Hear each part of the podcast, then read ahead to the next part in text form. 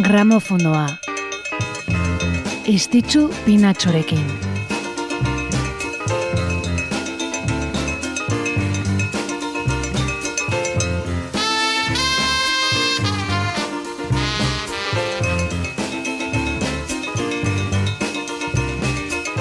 Gabon, zer moduz, aste azkena da gaur, eta aste azkenero egiten dugun bezala, hemen ditugu prest, urrengo ordu erdian jarriko ditugun kantuak.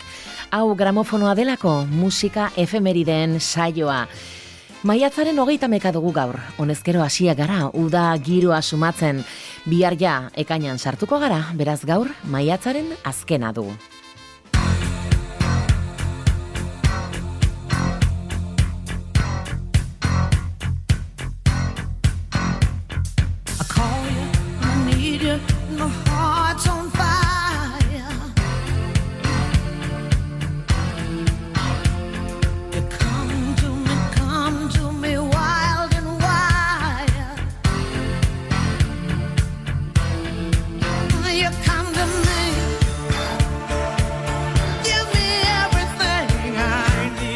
Eta oiko dinamikarekin hasia intzinetik, utzi dazue joan den aste azkenean aletu zitzaigun albiste triste batekin saioa irekitzen. Izan ere, pasaden maiatzaren hogeita lauean rock and rollaren erregina joan zitzaigun. Ezkenun albistea gara izjakin, joan den asteko gramofonoan sartzeko, eta beraz ba, oixe, utzi dazue gaur honekin irekitzen, emakume zoragarri honek merezi duta tartetxo hau gurean. You're simple the best, Tina Turner. Simply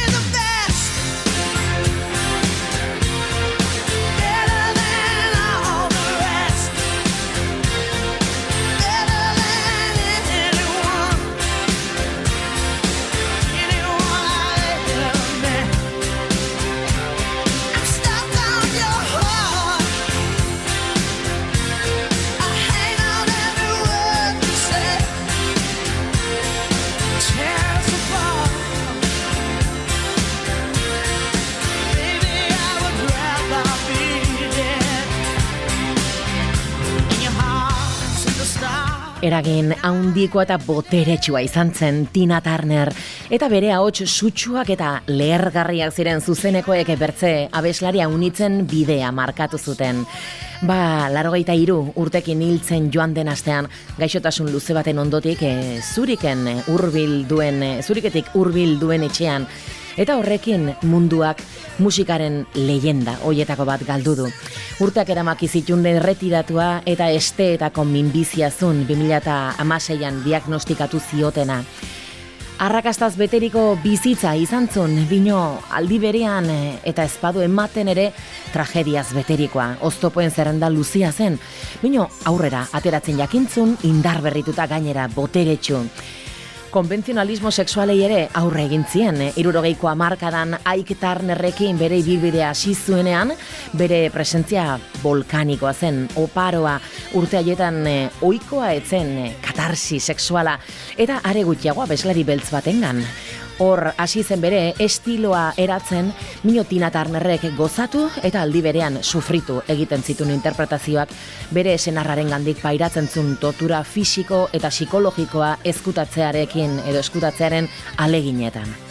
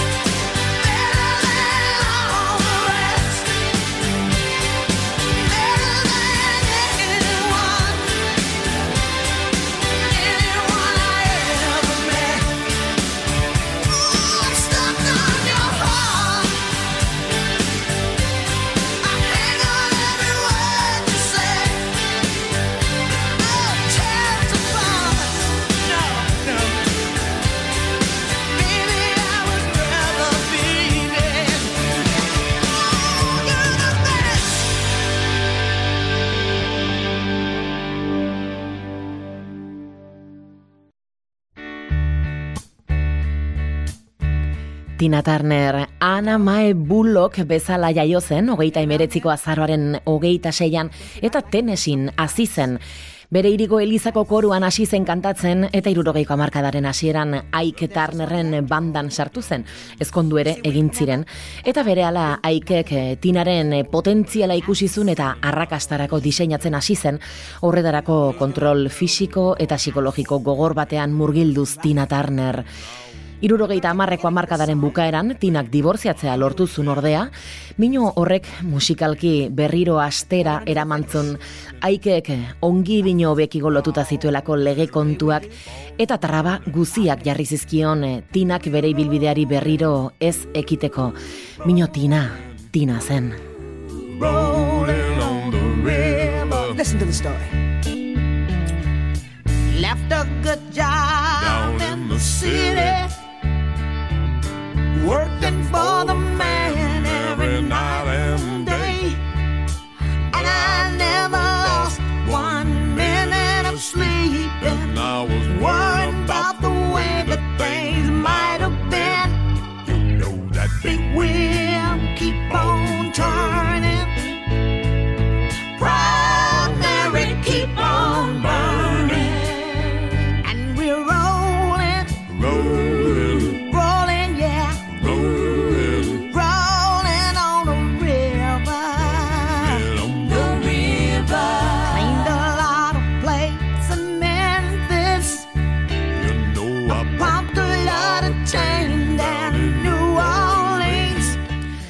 Larogeiko amarkadan berpiztu zen tina, soinua aldatu garaietara egokitu eta pop estiloko piezak zerrenda arrakastatxoetako lehen postuetaraino eraman zitun.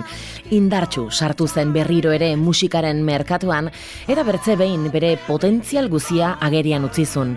Bere ahots indartsua, samina, urratua eta oholtzak su hartzeko moduko zuzenekoekin. Orduan egintzen ikonikoa bere irudia larruzko soineko motza, takoi finen gainean dantza egiten zuten hanka luzeak eta bere melena ederrura. Horrelako kantuak kantatuz. Tina Turner.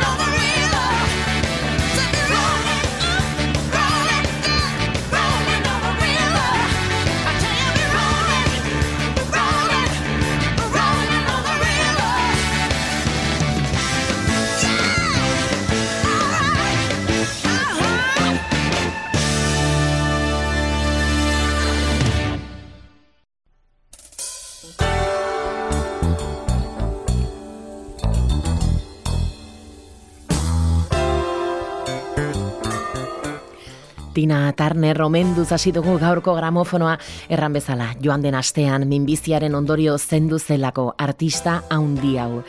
Eta orain horrelako albiste triste baten ondotik, ba, bertzen musikari haundi bat zoriontzera pasako gara. Eta horretarako Brasileraino joanen gara, horrelako doinu atsegin eta ederrarekin.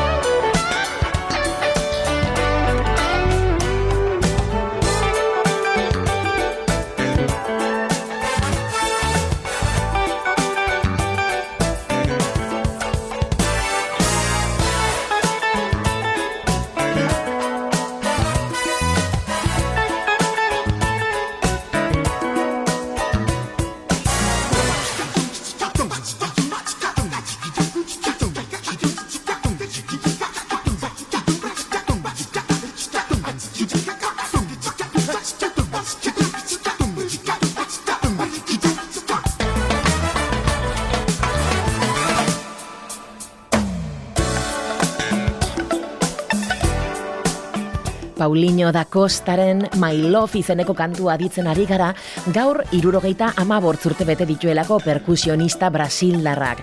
Rio de Janeiron jaioa da bera, garai guzietako perkusio jotzaile onenetakoa da, eta gehien grabatu duenetakoa, bederatzireun banda eta artista bino gehiagorekin aritu delako estudioko lan hoietan.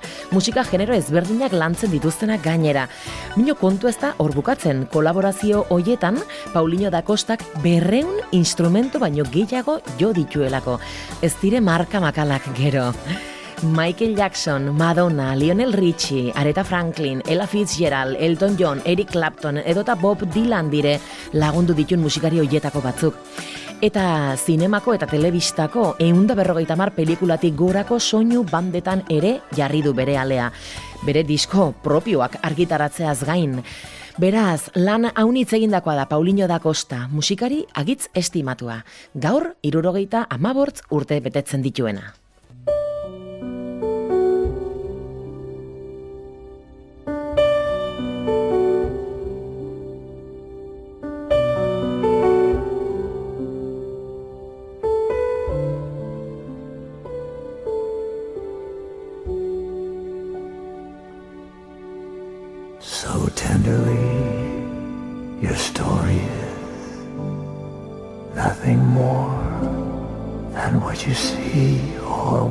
Done, or will become. Standing strong, do you belong in your skin? Just wondering. Gentle now, the tender breeze blows, whispers through my Gran Torino, whistling another tired song. Engine hums and bitter dreams grow, It beats a lonely rhythm all night long.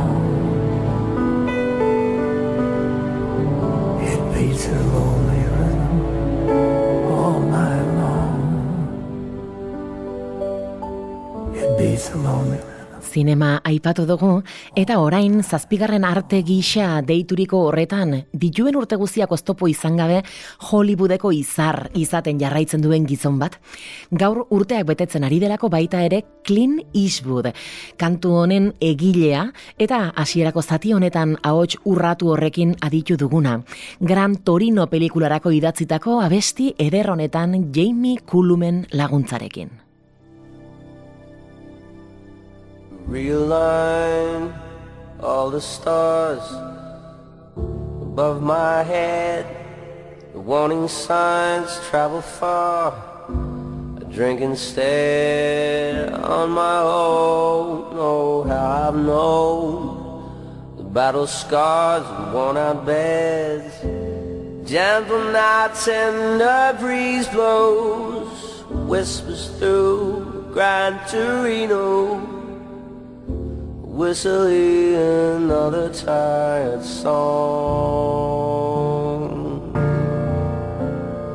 Engines hum and better dreams grow, heart locked in a Gran Torino. Beats a lonely rhythm all night long.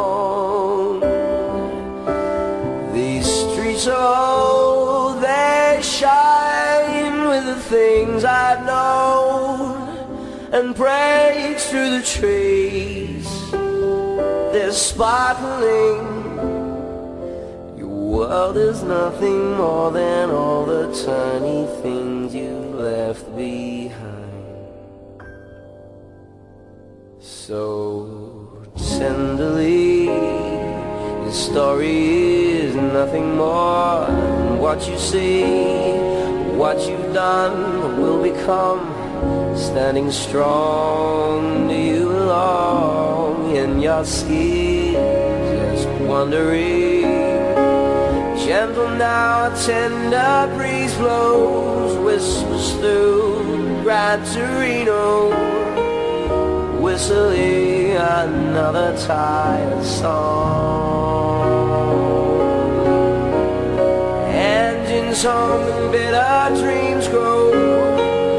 heart locked in a Gran Torino beats a lonely rhythm all night long. May I be so bold and still meet someone to hold that shudders my skin. They're sparkling. World is nothing more than all the tiny things you left behind. So realize. Clint Eastwood, aktore, zuzendari, ekoizle, kompositore eta pianistak larogeita amairu urte bete ditu gaur. Aktore eta zinema zuzendari gisa egindako ibilbide bikainaz gain musikarekiko zaletasun handia garatu du Clint eta batez ere jasak paper garrantzitsua jokatu du bere bizitzan.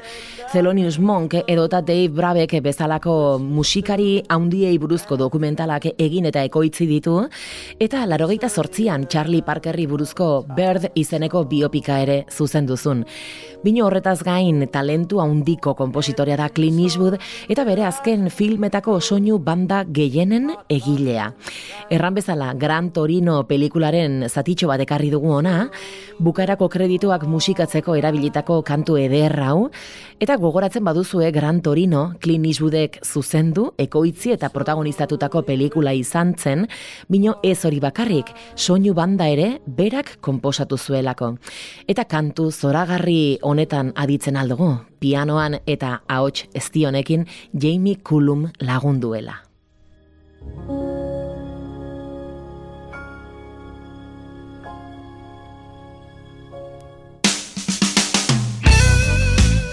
Eta jarrai dezagun, aintzinera soul eta rhythm blueseko ahots boteretsu hoietako bat gogoratuz. Bera da, bera da Johnny Taylor.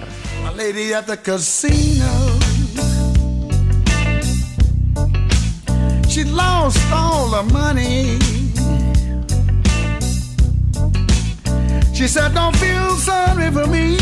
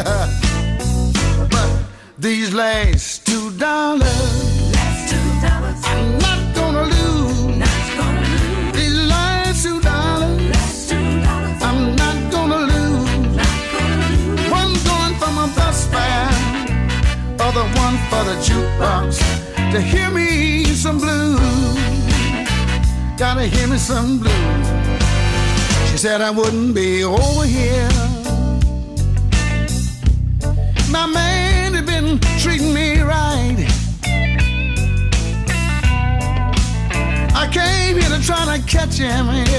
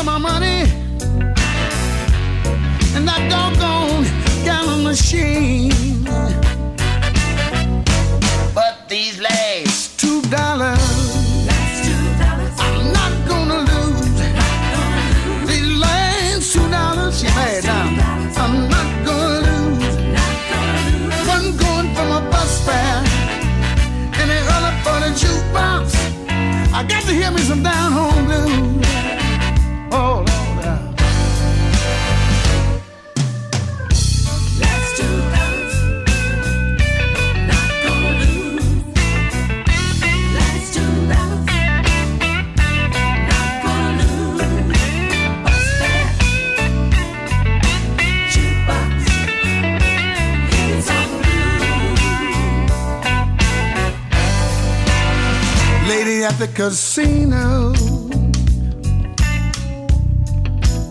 Lost all the money, yeah. She said, Don't feel sorry. Don't feel sorry, honey. If you want to do a lady a favor, Here's what I want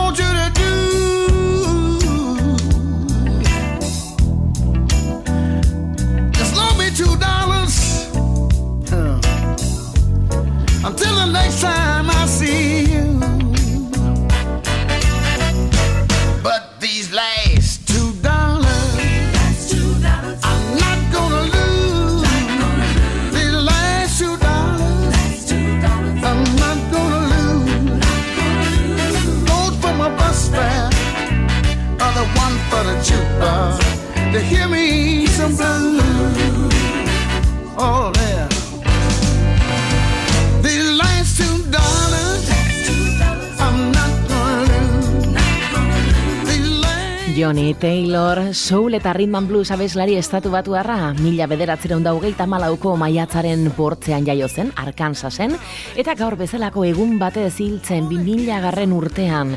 Bere ahots boteretsuagatik eta bere musika ez estilo bereizgarriagatik egintzen ezagun, genero ezberdinak ukituz, soula, gospela eta bluesa barne.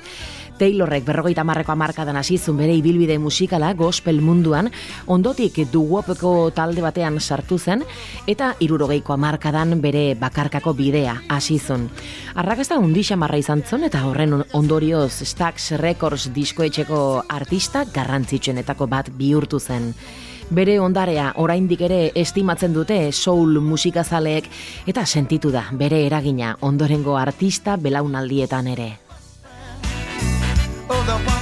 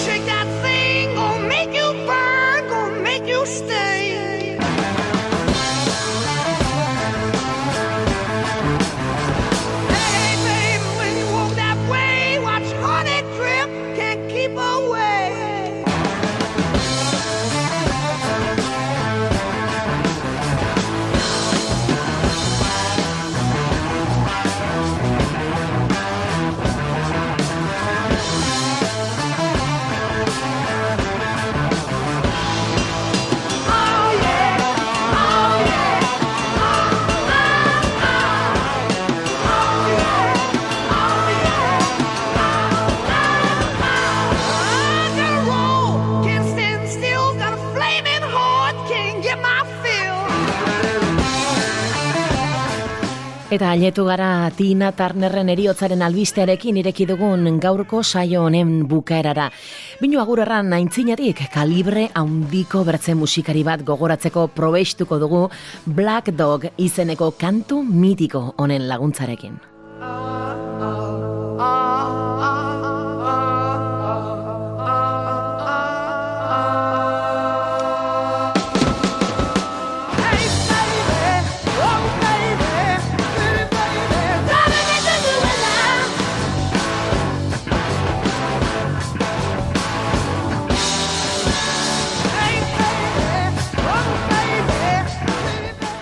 Kalibre handiko musikaria izan zen bai gaurko egunekoa zen Led Zeppelin taldeko bateri jolea John Bonham.